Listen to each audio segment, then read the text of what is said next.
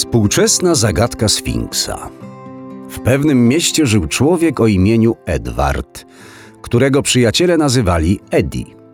Eddie słynął z nieprawdopodobnego talentu do rozwiązywania wszelkich zagadek. Wykorzystywał ten talent uczęszczając nałogowo do escape roomów. W swoim mieście dość szybko rozwiązał wszystkie zadania we wszystkich escape roomach i zaczął jeździć po Polsce. Nie było takiego rumu, którego by nie pokonał w rekordowo szybkim czasie. Jego sława niosła się po całym kraju i jeden sprytny właściciel takiego miejsca z Polski Wschodniej zaczął reklamować swój przybytek hasłem Escape Room Sphinx, nawet Eddie nie dałby rady.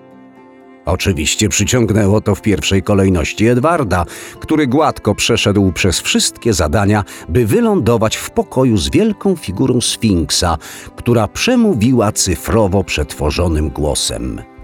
Co to jest? Jednego dnia jest większe, drugiego dnia jest mniejsze, a trzeciego dnia może być mniejsze lub większe jednocześnie. Eddie prychnął rozczarowany.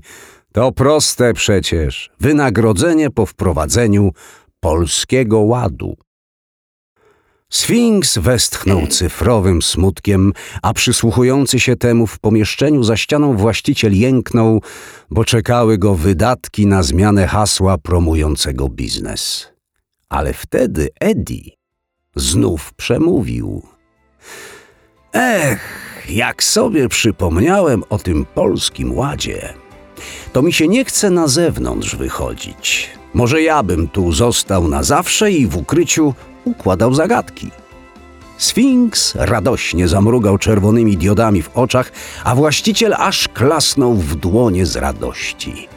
Od tej pory Sfinks uchodził za najbardziej wymagający escape room w kraju, a hasło promujące zmieniono na Sfinks zagadki trudniejsze nawet niż przepisy Polskiego Ładu.